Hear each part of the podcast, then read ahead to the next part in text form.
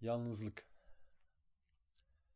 Şimdilerde içinde bulunduğumuz zamanda bu yalnızlık hadisesi pek çoklarımızın giderek daha yoğun hissettiği, hissetmeye başladığı bir hal bu.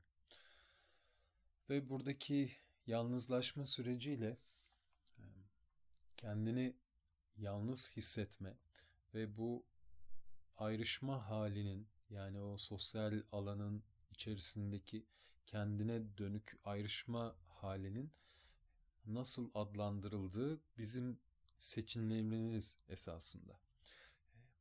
Bu zamanlarda hepimizi düşündüren bir konu olduğu malum. Havada bu titreşim var. Kolektif bilincin içerisinde e, bu bu hissiyat giderek daha yoğun bir şekilde e, olmasından ötürü bugün de bana malum olduğunu e, biliyorum. Çünkü bir noktada tabii ki bu sizinle paylaştığım konuların kendi içimde de bir yansıması oluyor. Bu zamanlar bizim kendimizi anlamamız, kendimizi keşfetmemiz, kendimize yönelmemiz için çokça fırsat sunan zamanlar. Esasında gerçekliği biz nasıl algılıyoruz? Gerçeklik hani ilahi nizamda çok güzel bir e, tanımı var. İnsanın e, duygularıyla ilgilendiği, e, duyguları bağlamında ilgilendiği, angaje olduğu durumlar. Yani etrafımızda olan biteni hangi duygularla yorumluyoruz, hangi duygularla algılıyoruz üzerinden kendi gerçekliğimiz belirmeye başlıyor. Olan bitenin içerisinde bizde bir duygu yaratan e, doneler özellikle bizim çekim alanımıza, menzilimize, radarımıza giriyor diyelim. Ve bunların bütünü bizim içinde yaşadığımız gerçekliği oluşturuyor. Eğer etrafımızda olan biten olaylar bizde bir duygu yaratmıyorsa bunlarla ilgilenmiyoruz. Duygularımız vasıtasıyla ilgilendiğimiz olaylar bizim gerçekliğimizi belirliyor. Buradaki duyguların bildirimler olduğunu sıkça bahsettiğim bir şey bunun da. Bunların bize bildirim yarattığı ve duyguların kendisinin esasında gerçekliğimiz olmadığı, aslında bizim o gerçekliğe dair ne hissediyor olduğumuzu bize tanımlayan titreşimler olduğunu anlamakta fayda var. Dolayısıyla eğer biz hissettiğimiz duyguları kendi gerçekliğimiz olarak kabul etmeye başlarsak, yaşamaya başlarsak o duyguların içine bir anlamda hapsolmaya başlıyoruz. Bu çok iyi bir şey değil. Fakat bu duygunun bize ne anlatmak istediğini idrak edene kadar da içinde bulunmamız gereken bir süreç olabilir. İşte bu anlamda yalnızlık dediğimiz zaman o yalnızlığın bize hissettirdiği o eksiklik, bir şeylerden geri olma, ayrı olma hissiyatı çok önemli bir hissiyat. Çünkü bizim temeldeki hayatta kalma mekanizmalarımızla bağdaşıyor insan olarak. İnsanın sosyal bir varlık olduğunu hepimiz biliyoruz. Hem hissediyoruz hem de bize sıkça anlatılan, küçüklüğümüzden itibaren anlatılan bir şey. Dolayısıyla burada e, insan eğer sosyal çevre içerisinde kendi yerini tam anlamıyla idrak etmediği, daha doğrusu yerini sağlam hissetmediği durumlarda bu yalnızlık hissiyatına kapılabiliyor. Yalnızlık durumu sevdiğin birisinden ayrıldığında veya hayatında e, bir ilişki anlamında o yoğun sevgi değiş tokuşunu deneyimlediğin bir kimse olmadığı durumda da yine insan kendisini çokça yalnız hissedebiliyor. Kalabalıkların içinde yalnız hissetmek diye bir hadise de var ki bugün günümüzde en çok yaşadığımız durumlardan bir tanesi. Aynı zamanda bilhassa sosyal medya üzerinden e, yapılan paylaşımları izlediğimiz zaman, baktığımız zaman dışarıda sanki herkes çok e, iyi bir hayat yaşıyor. Herkesin e, çokça sevdiği eşi, dostu, güzel ortamları, güzel imkanları var. Herkes bolca seyahat ediyor. Hayat çok güzel, muhteşem. Fakat bizim hayatımız sanki o kadar iyi değilmiş gibi bir durumu da bize e, empoze ediyor maalesef sosyal medyanın böyle bir içeriği var. Hani hepimizin hayatını en iyi şekilde gösterdiği yer burası. Tabii ki bu normal. Herkes hayatındaki ilgi çekici, bizim gazetecilikte haber değeri taşıyan dediğimiz durumları e, yansıtmayı seçiyor. İyi görünmeyi yansıtmayı seçiyor. Bu hem kendisi için bir onaylanma e, ihtiyacını gideriyor hem de toplumun içerisindeki yerini de e, pekiştirmiş oluyor. Bir o kadar da işte geçen yayında bahsettiğimiz önceki yayınlarda dopamin hadisesi var. Bir de o bir şey paylaşıp like aldığımız zaman tatmin olmuş hissediyoruz kendimizi. Küçük küçük dozlarda o dopaminlerle küçük mutluluklar yaşıyoruz. Fakat bu durum e, o bir şeylerden eksik kalma veyahut bir şeylere yetişme e, ihtiyacı yine bizim bu yalnızlık adını verdiğimiz duyguyu e, maalesef besleyebilen bir tarafı var. Aslında biraz o yalnızlığımıza derman olması için sanki sosyal medyaya giriyoruz. Hani biraz dışarı çıkalım da insan görelim diye bir e, laf vardır ya çıkalım şöyle bir dolaşalım kalabalıklara karışalım diye. Sosyal medyaya da biraz bunun için de giriyoruz. Fakat oraya girdiğimizde o durum bizim o yalnızlık olarak nitelendirdiğimiz hissiyatı, duyguyu daha belirgin bir hale de sokabiliyor. Burada yalnız olmakla kendi başına olmak arasında önemli bir fark var. Ee, bunu vurgulamak istiyorum. Yorumları şimdi birazcık kapatacağım. Sonra yakında açacağım sohbet için. Yalnız olmak ve kendi başına olmak arasında önemli bir fark var canlar. Bu birçoğunuzun eminim daha önce duyduğu bir şey. Fakat bazı bilgiler var ki hayatta ne kadar çok duyarsak, ne kadar çok hatırlarsak bize o kadar iyi geliyor. Az evvel bahsettiğim duygularla, duygularımızla ilgilendiğimiz olaylar gerçekliğimizi belirliyor demiştik. Buna bağlı olarak da bu duygu hali ve o gerçekliğin içinde nasıl bulunduğumuzu yine kendimiz tercih ediyor, kendimiz seçiyor olabiliyoruz. Yani o içinde bulunduğumuz durumu, hissiyatı e, bunu hayıflanmak ya da kendine acımak gibi bir yerden görürsek o zaman düşük titreşimli bir e, enerjiyi kendi gerçekliğimiz olarak belirlemeye başlıyoruz. Ve evet bazı insanlar özellikle içe dönük ve dışa dönük ayrımı üzerinden konuşacak olursak bazı insanların muhakkak dışarıyla daimi olarak bağlantıda olma ihtiyacı olduğu, bu ihtiyacın başkalarına göre daha fazla bulunduğu bir gerçek. Dışa dönük insanlar özellikle. İçe dönük insanlara baktığımızda içe dönük insanların da kendi başlarına kalma, kendi o yalnızlık hali içerisinde kendilerini besleme, kendi kendileriyle e, vakit geçirme ve hemhal olma gibi bir e, ihtiyacının da daha ağır basabildiği yine bir e, yine bir gerçeklik. Dolayısıyla bizim bu yalnızlık olarak adını koyduğumuz duyguyu, düşünceyi bir duygu durumundan çıkartıp bir bilinç haline evriltebilme imkanımız var. Çünkü kendi başına olmak, kendinle olma hali, bu bilincin içerisinde olmak bir seçim, bir tercih. Yalnızlık duygusunun içerisinde acınaklı, hüzünlü bir halin içerisinde olmak da bir başka bir seçim. Burada duygu benliği ele geçirmeye başladığında o yalnızlık duygusu benliği ele geçirmeye başladığında kendimizi böyle acınası, hüzünlü, düşük titreşimli, e, hatta çaresiz gibi bir halin içerisinde hissetmeye başlayabiliyoruz. Esasında gerçeklikte bir şey değişmiyor. Yani öyle ya da böyle kendimizle olduğumuz bir halin içerisindeyiz.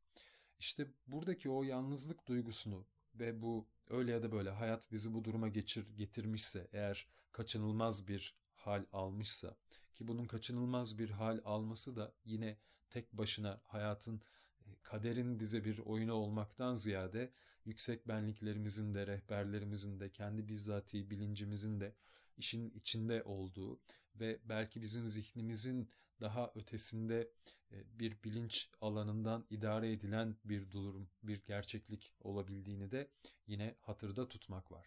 E, hatırda tutmak faydalı.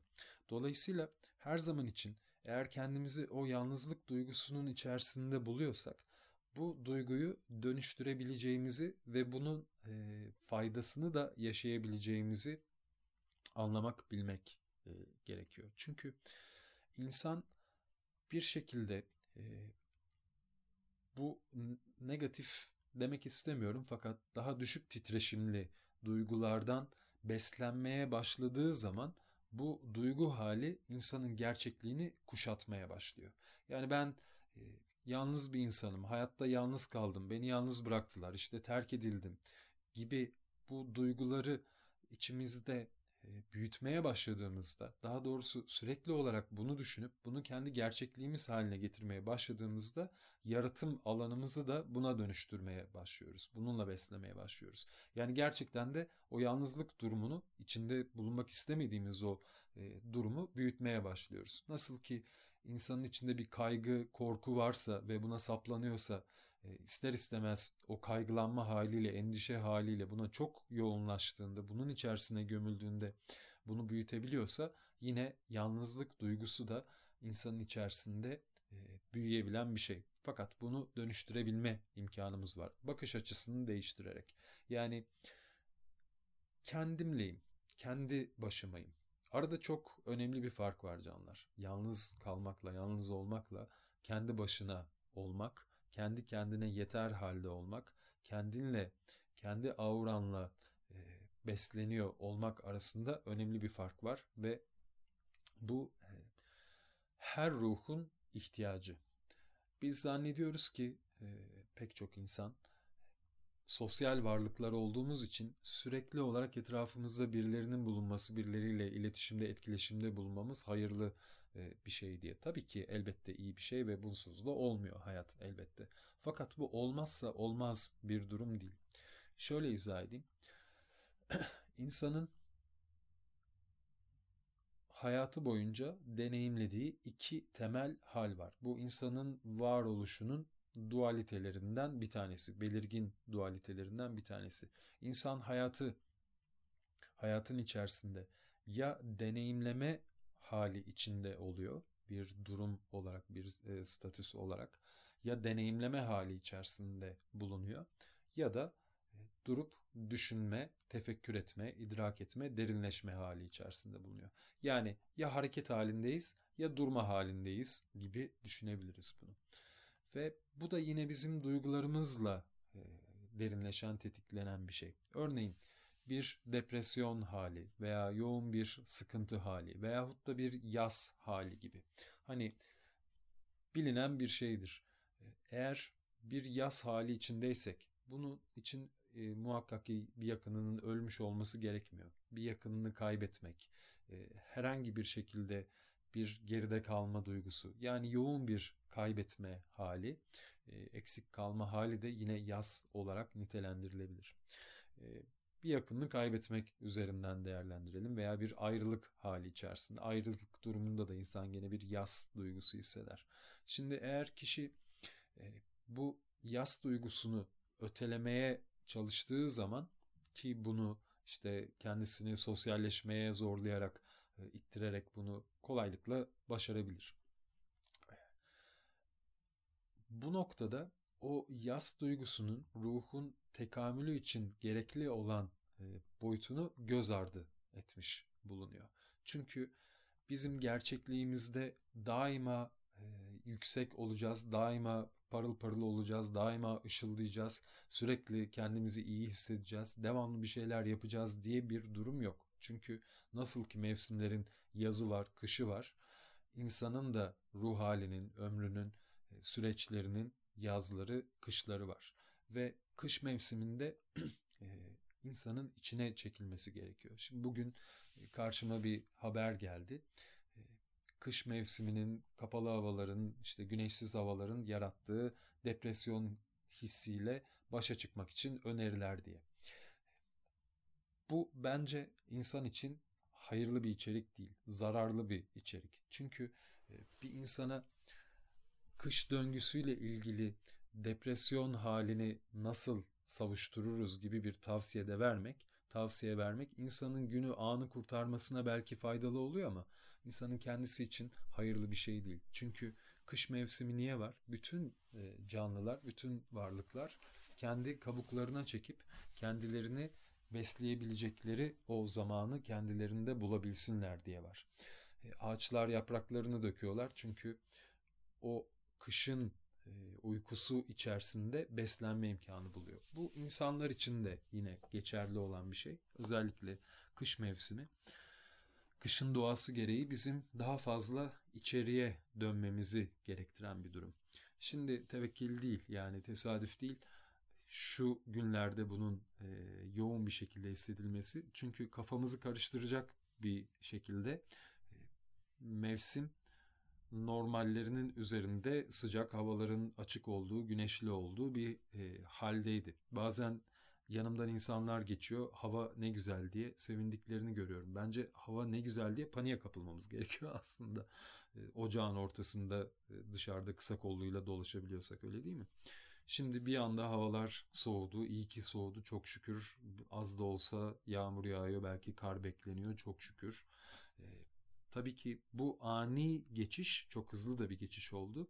Bu ani geçiş bizi işte vücut saatlerimizin, ruhumuzun, benliğimizin bildiği o içeriye dönme haline, içeriye doğru kapanma haline hızlı bir şekilde sevk etmiş oldu. Dolayısıyla bugün e, bu yalnızlık başlığını görüp de bununla rezone olmamızda şu anki bu hızlı mevsim geçişinin bir e, etkisi var. İşte e, şamanik yaşam felsefesi bu geçişlerin, bu doğadaki farklılıkların, akışların e, farkında olabilmeyi insana hatırlatan bir öğreti. Öğretinin önemli parçalarından bir tanesi bu. O yüzden içimizde bir duygu, bizi e, benliğimizi sarmalayan bir e, bir değişim varsa etrafımıza baktığımızda, havaya baktığımızda, mevsimlere baktığımızda buna sebep olan bir takım durumları hissedebiliyoruz. Tabii ki astrolojik olarak da bunun e, muhakkak ki etkileri oluyor. Gökyüzündeki hareketliliklerin de e, buna etkileri oluyor. Burada yine bir parantez açmak istiyorum. Geçenlerde e, çok sevdiğim Sadhguru'nun şöyle güzel bir yorumu vardı. Biz e, yogik öğretide astrolojiyi ve o döngüleri inkar etmiyoruz diyor. Yani fakat daha doğrusu spiritüellik bu e, döngülerden ayrışmak değil, o döngülerin dışına çıkmak demektir diyor. Yani evet o gökyüzündeki hareketler, astrolojik hareketler işte Merkür enerjileri geriye çekiyor, işte Venüs şöyle yapıyor, Mars böyle yapıyor gibi durumlar evet bizim buradaki realitemizi etkiliyor. Fakat spiritüelliğin öğretisi tam da bu e, enerjilerin, bu değişimlerin farkına varıp orada kendi yolunu bulmak, kendi merkezini bulmak e, için bu öğretiler, spiritüel metotlar, teknikler bize yol gösteriyor. Ki bu anlamda şamanlık da ve şamanik e, yaşam biçimi, pratikler de bize bu değişimlerin içerisinde kendi yolumuzu bulmak ve hatta bunu kendi lehimize çevirme imkanı sağlıyor. Zaten dolunay ritüellerinde, mevsim döngüsel ritüellerde bunları paylaşıyoruz.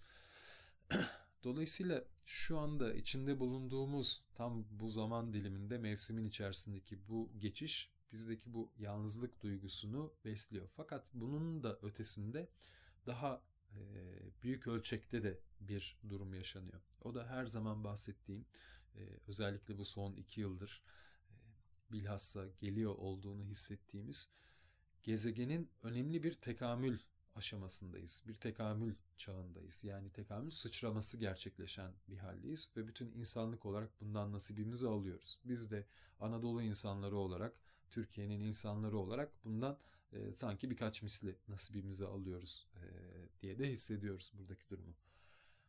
Burada dışarıda olup biteni e, algılayabilmek adına önemli olan şey kendi içimizde olan biteni de dışarıyla uyumlu senkronize bir şekilde dönüştürebilmek ve içeriği izleyebilmek, içeriği gözlemleyebilmek. İşte bu anlamda kendi başına olmak insana çok kıymetli bir imkan tanıyor. Yani buradaki bu yalnızlaşma hali e, eğer derinlemesine ve biraz e, yukarıdan bakarsak hani kartalın gözüyle biraz meseleleri yukarıdan baktığımız zaman, tepeden baktığımız zaman büyük resmi görmeye e, gayret ettiğimizde fark edebiliriz ki esasında kendimizi bu yalnızlık durumunun içerisine sevk eden, kendimizi bu durumun içerisine sokan yine bizim bir takım seçimlerimiz, bir takım eylemlerimiz oluyor.